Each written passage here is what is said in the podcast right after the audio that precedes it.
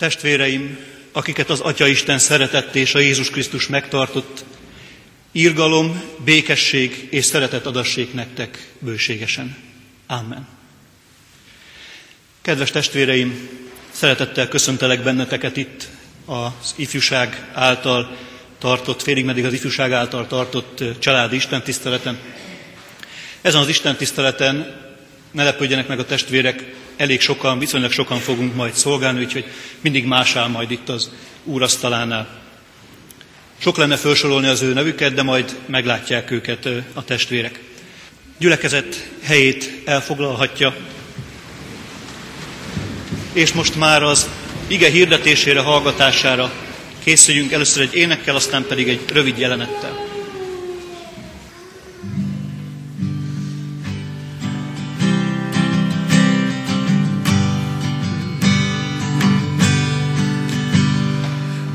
Válasszatok addig, míg tart a mag. Ki legyen a ti szíveteknek, Uram, nem szolgálhat két úrnak senki sem. Egyiket gyűlölni vagy szeretni kell. Világi kívánság és a pénz idegen Istenek, bálványok szenvedély vakítja a szemet, válasszatok, addig még tart a van. Ki legyen a ti szíveteknek, Uram, nem szolgálhat két úrnak senki sem egyiket gyűlölni vagy szeretni kell.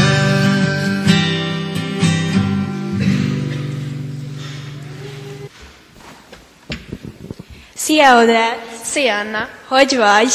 Ó, nagyon jól. Képzeld, tegnap voltam vásárolni, és találtam két cipőt, csak sajnos nem tudom eldönteni, hogy melyiket vegyem meg. Ú, milyen cipők? Itt vannak, ezek közül kéne választanom de sajnos csak az egyikre van pénzem, így nem tudom, melyiket vegyem meg. Hát én a magas sarkút választanám, tudod, az jobban kiemel, és csinosabb vagyok benne. Először én is arra gondoltam, de nekem a sportcipő is nagyon tetszik. Hát ez a te döntésed, de én biztosan a magas sarkút választanám.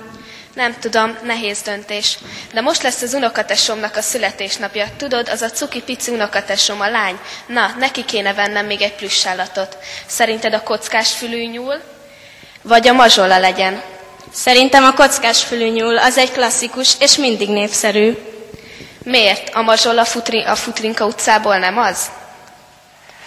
Gyerekek, ugye milyen nehéz a választás? Most tegye fel a kezét az, aki a kockás fülűnyulat választaná. Most pedig tegye fel a kezét az, aki a mazsolát. Nehéz a választás. Most, hogy így szóba került a választás, tudod, én nyolcadikos vagyok. Neked most sokkal nehezebb lesz döntened. Igen, olyan sok hely van, és nem tudom, hogy mit tanuljak, és hogy egyáltalán hova van es- esélyem be- bejutni. Úgy együtt érzek veled. Köszönöm. Nem mindegy, hogy mi lesz belőlem, és kinek leszek a tanítványa. Ki tud ilyen nehéz döntésben döntést hozni? Nem tudom. Talán Jézus. Ő olyan komoly és okos. Volt ő már ilyen helyzetben? döntenie? Ó, igen, amikor a tanítványokat választotta, az is biztos nehéz, dönt, nehéz döntés volt. Dia, felolvasod nekünk, hogyan választott tanítványokat Jézus? Hát persze. Szóljon az ige Márk evangéliumából. Amikor a galilai tengerpartján járt, meglátta Simont és Andrást, a Simon testvérét, amint hálót vetettek a tengerbe, mivel halászok voltak. És így szólt hozzájuk Jézus. Jöjjetek utánam, és emberhalászokká teszlek benneteket. Erre azok a hálót hagyva azonnal követték őt. Amikor kisé tovább ment, meglátta Jakabot, az Ebedeus fiát és Jánost, a testvérét, amint a hálóikat rendezgették a hajóban. És azonnal elhívta őket, azok pedig apjukat, Zebedeust, a napszámosokkal együtt a hajóban hagyva elmentek ő utána. Isten áldja meg közöttünk az ő igének hallgatását, befogadását és megtartását. Elhangzott a kérdés, dia fölolvasod e közöttünk, hogy hogyan választott magának tanítványokat Jézus. A kérdés az volt, hogyan. Szóval, hogyan választ tanítványt Jézus? Mik a szempontok, mik azok a kritériumok, feltételek, amikor tanítványt választ? Hát a történet alapján azt mondhatnánk, hogy négy embert hív el tanítványnak, ezek mind halászok. Tehát, hogyha a tanítványok akarunk lenni, akkor vagy horgászoknak, vagy halászoknak kell lennünk, de valamilyen módon közünk kell, hogy legyen a halhoz. Akár úgy, hogy az autónk hátuljára rakjuk, de leginkább úgy, hogy ténylegesen fizikailag közel kerülünk hozzá. Legalábbis úgy néz ki. Négy embert hív el Jézus, mind halász. Mind horgászik, mind hálót vet. Azt gondolom, hogy most, akik itt vagyunk, beleértve engem is, már rögtön ezen az első szűrőn kiesnénk, mert utoljára a gyerekkoromban horgáztam. Van aki, van, aki, van, aki átmenne ezen a szűrőn, tudom, Dobos András testvérünk biztosan, de azt gondolom, jó részünk már itt fennakadna. De ha azt nézzük, hogy a 12 közül az összes többi, gyakorlatilag az összes többi, az véletlen se halász, akkor még érdekesebb a helyzet. Szóval akkor mi a kritérium? Ha ez a négy az, a többi meg mondjuk nem, akkor mi alapján választ egyáltalán Jézus? Hogy dönti el, ki lehet tanítvány, ki nem lehet tanítvány? Ebből az ige szakaszból, és ez talán egy kicsit lelombozó, nem derül ki, mi alapján választ Jézus. Nem derül ki, hogy mi az a feltétel, ami alapján Péter, András, Jakab és János jöhetnek, oly sok többi meg talán nem, vagy legalábbis nem beszél róluk a Szentírás. Nem tudjuk, mi a feltétel. Talán egy másik igehely alapján egy kicsit sejthetnénk, de már ez is spekuláció tudnélik. Az ember azt nézi, ami a szem előtt van, az Úr pedig azt nézi, ami a szívben van. Nyilván Jézus sokkal jobban látja már Péterben, Andrásban, Jakabban és Jánosban rejlő lehetőségeket, mint bárki más. De ez is csak spekuláció. Szóval hogyan is választ Jézus? Hát ez leginkább Jézus titka. Az az igazság. Mi a feltétel? Leginkább ő tudja. De mégis azért Jézusnak ebben a döntésében, az elhívásban, a választásában azért meg lehet figyelni jó néhány dolgot, és most erről szeretnék tényleg röviden beszélni. Az első, hogy Jézus választ, és ő hív el. A második ilyen dolog, hogy életformára választ, életformára hív el, életre hív el egész konkrétan. A harmadik pedig, hogy ebben az életben engedelmességet is kér. Elhangzott ebben a kis darabban, hogy Odett is és Anna is most nyolcadikosok, és hát döntés előtt állnak, merre tovább, mit válasszanak, melyik iskolába menjenek tovább. Nagyon nehéz döntés tud ez lenni, nem mindenkinek olyan nehéz egyébként, de nagyon harmonizál azzal, ami abban az időben, amikor Jézus járt ott a galileai tenger partján, a rabbi választásnál volt jellemző. Tudni, a tanítvány választotta a mesterét. Mint most, amikor iskolát választotok, ti választjátok ki az iskolát igazából. Hova adom be a jelentkezésemet, aztán majd az iskola válaszol, hogy fölvettünk vagy nem, de alapvetően te indítod el a folyamatot. Én választok, aki tovább akarok menni, aki oda akarok menni, aki tanulni akarok. Abban az időben a rabbiknál is így volt ez, a tanítvány megkereste a rabbit, tanulmányozhatnánk együtt a tórát. Persze, gyere! Jézus megfordítja. Jézus megy oda, és mondja Péternek, Andrásnak, Jánosnak, Jakabnak, hogy gyere és kövess engem, és emberhalásszá teszlek téged. Nem ők jelentkeznek Jézusnál, hogy annyira a tanítványaid akarunk lenni Jézus. Fordítva. Gyertek utánam, és csodákat fogtok látni, mondja Jézus. Vagy egy másik helyen mondja az ige, nem ti választottatok engem, én választottalak ki titeket, hogy elmenjetek és gyümölcsöt teremjetek. Jézus a kezdeményező. Ő teszi meg az első lépést. A jó hír az az, hogy nem csak ott a galileai tenger vagy tópartján tette meg ő az első lépést, a mai napig ő a kezdeményező. Ránk is igaz, hogy Jézus választ minket. Nem mi választunk vallást meg egyházat. Egyik irányból nézve talán ez így tűnhet. De a történet azt mondja, Jézus választja a tanítványait. Még mindig. A jó hír, Krisztus minket már választott. Azért lett ember, mert minket választott. Mert nem a mennyei dicsőséget választotta, nem az egyszerű utat választotta, hanem minket választott. Bárki lehet tanítványa, aki az, azzá akar lenni.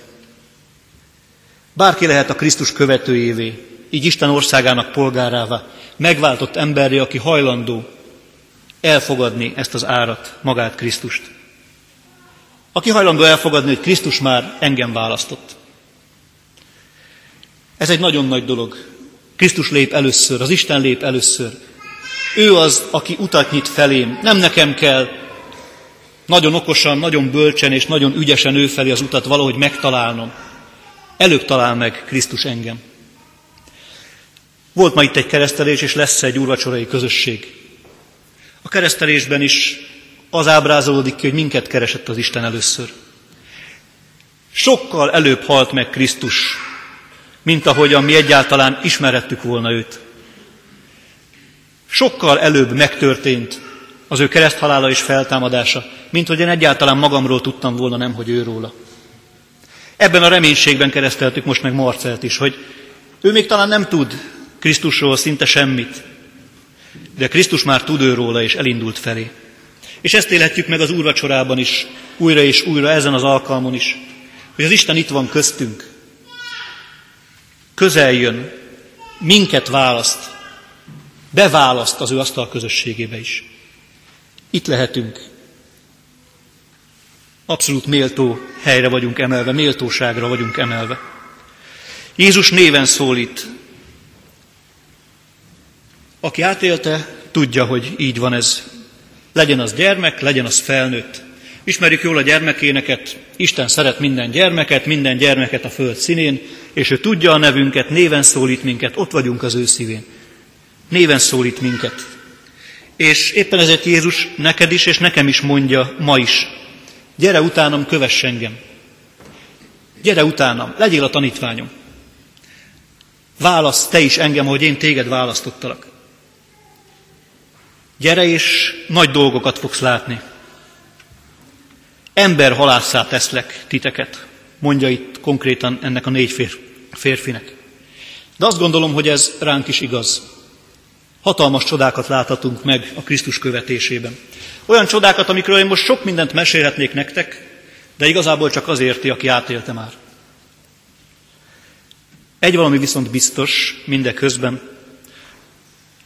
A négy ember részéről is, és a mi részünkről is teljes váltást követel az, hogyha elindulunk Jézus után.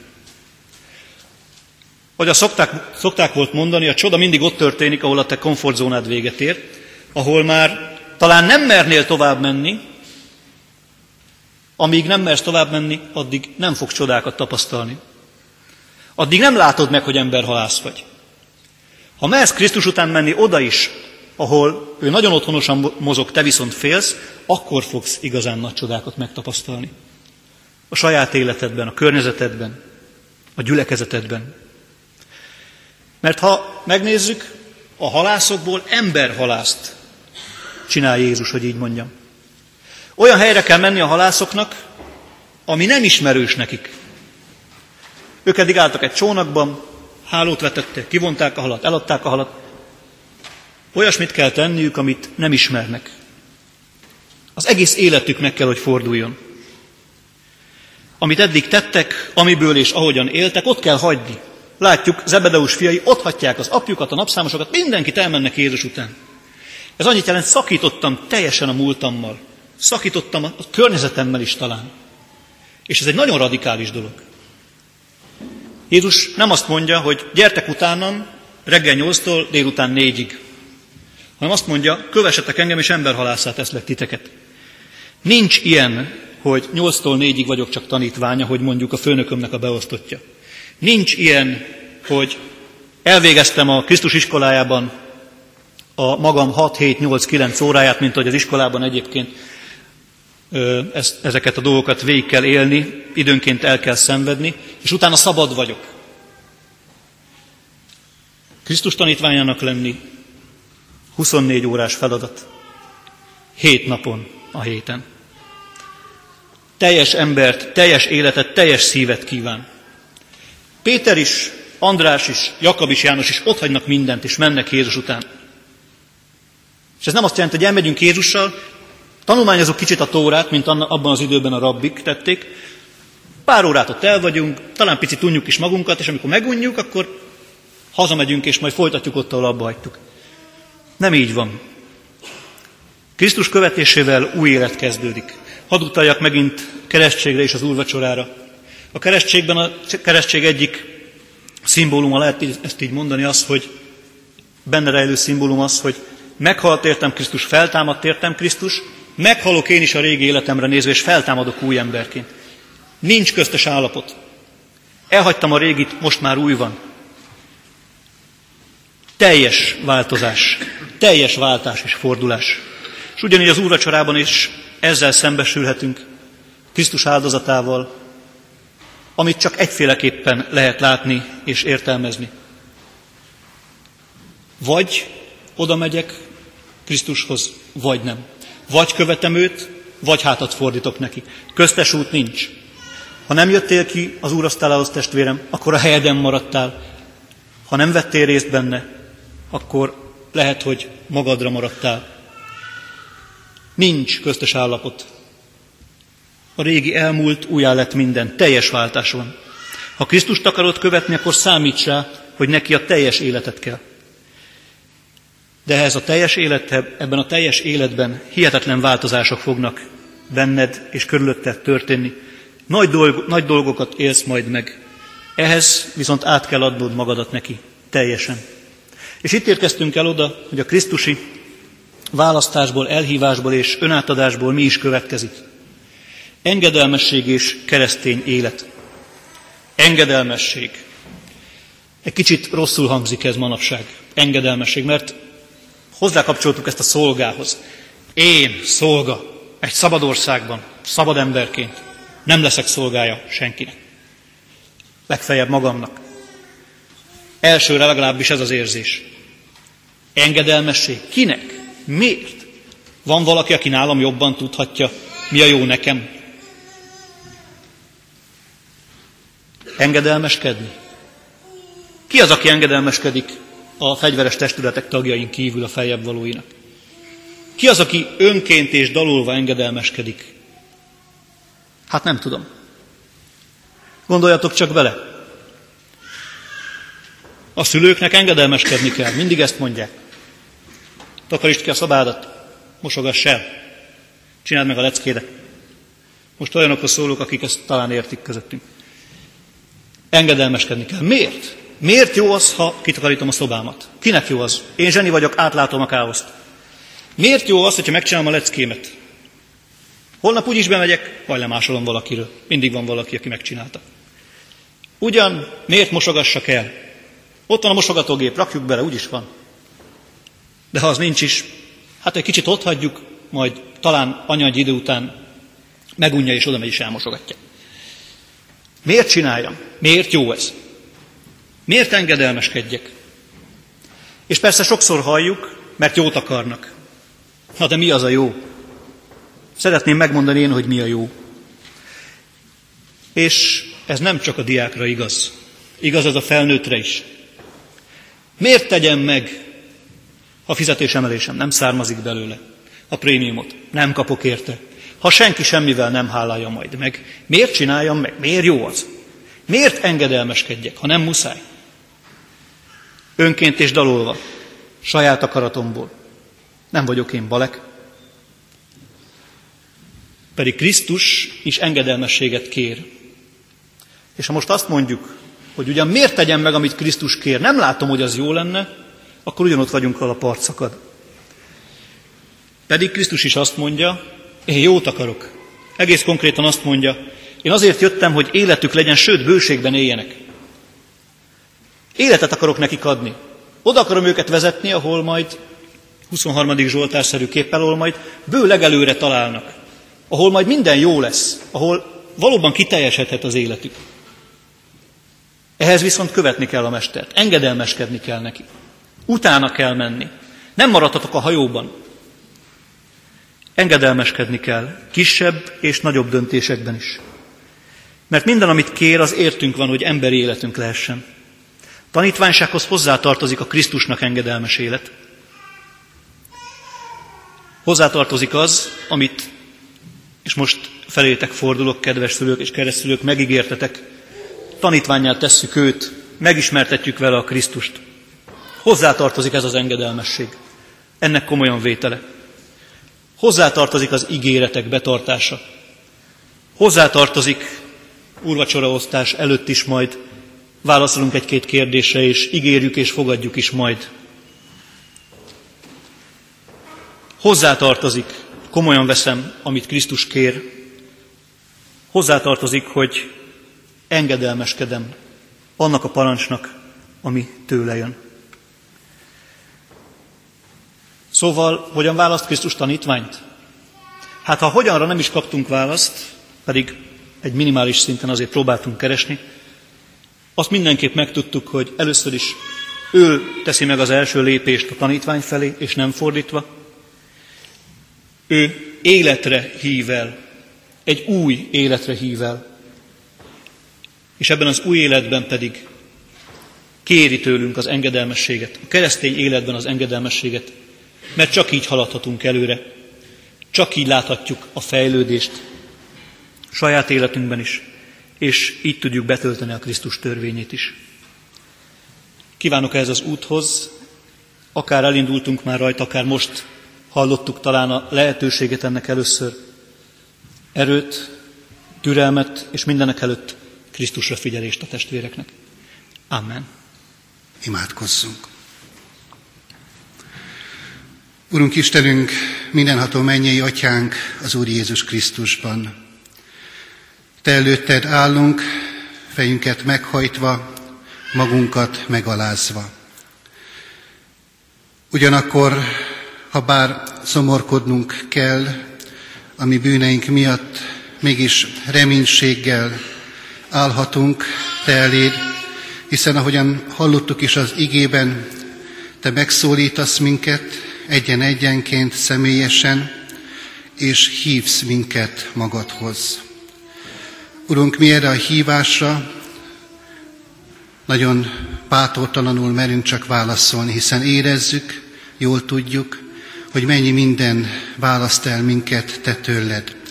És akkor, amikor lehetőség adódik most ebben az órában az úrasztalához járulni, akkor is ennek terhét és ennek súlyát érzékeljük. De éppen az a te nagyszerű üzeneted, biztatásod számunkra, hogy mindezek ellenére is hívsz magadhoz. És szeretnéd, hogyha mozdulna a lábunk, megtennénk az első nehéz lépést ide az úrasztalához, hozva magunkkal mindazt, ami tőled elválaszt. Hiszen éppen arra nézve készítettél alkalmat, hogy mindezeket letehessük, mindezeket rendezhessük. Kérünk, Urunk, könyörülj meg rajtunk, hogy legyen bátorságunk a Te hívásodra igent mondani, elindulni ide az urasztalához, rendezni a mi életünket, és legyen merészségünk, elhatározásunk követni Téged a hétköznapokban. Kérünk, légy ebben segítségünkre. Amen. Hálás vagyok, Uram, azért, hogy Te elhisz minket, és megszólítasz, hogy kövessünk Téged. Add, hogy ezt a hívószót meg tudjuk hallani, és ha meghallottuk, akkor tudjunk követni. Adj akkor a hitet, engedelmességet és bizalmat irántad, hogy mindenünket magunk mögött tudjuk hagyni érted. Kérlek, Uram, hívjál minket is. Amen. Most pedig mondjuk el az Úrtól tanult imádságot. Mi atyánk, aki a mennyekben vagy, szenteltessék meg a te neved, jöjjön el a te országod, legyen meg a te akaratod, amint a mennyben, úgy a földön is. Minden napi kenyerünket add meg nékünk ma, és bocsáss meg védkeinket, miképpen mi is megbocsájtunk az ellenünk védkezőknek. És ne vigy minket kísértésbe, de szabadíts meg gonosztól, mert tiéd az ország, a hatalom és a dicsőség, mindörökké. Ámen. A sötétség szűnni kezd már, az a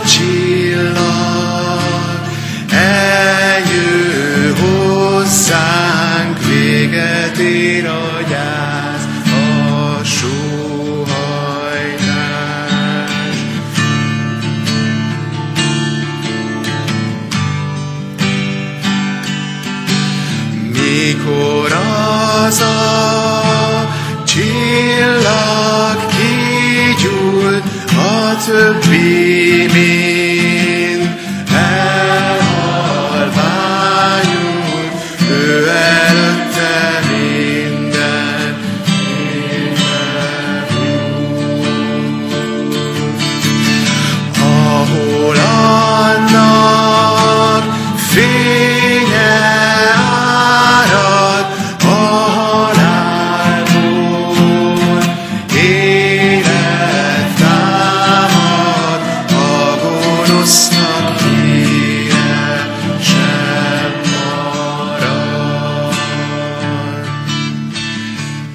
Ébredj föl, hát, aki alszol, ébredj föl,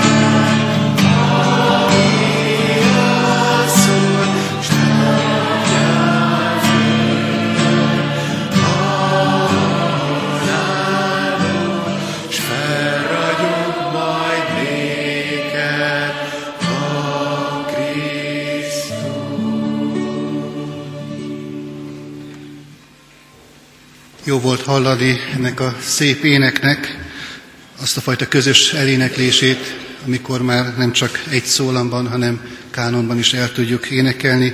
Ez annak a jele és bizonyítéka, hogy itt ezen a helyen Isten háza népévé, közösségé lettünk. Az áldás vétele előtt mondom mindezt, mert talán így még érthetőbb lesz az az áldó ige, amit szeretnék a mai Isten tisztelt befejezéseként, hogyha elmondanánk. Józsué könyvének a végén, 24. fejezetben, a Sikemi országgyűlés történetében olvasunk néhány fontos, hangsúlyos, fajsúlyos mondatot. Azt mondja Józsué, Isten népének, most azért az Urat féljétek, és őt szolgáljátok tökéletesen és igazán. Válasszátok ki még ma, hogy kit akartok szolgálni. És aztán így fejezi be a gondolatot, én és az én házam népe az Urat szolgáljuk. Álljunk föl, és legyen ez az utolsó mondat, gondolat, mai Isten tiszteletünk záró mondata, és egyben áldása. Erősítsen meg bennünket a mindenség Ura, mi megváltó Istenünk, hogy mi is elmondhassuk, én és az én házam népe az Urat szolgáljuk. Amen. További áldott, szép vasárnapot kívánunk mindenkinek, és áldás békességet.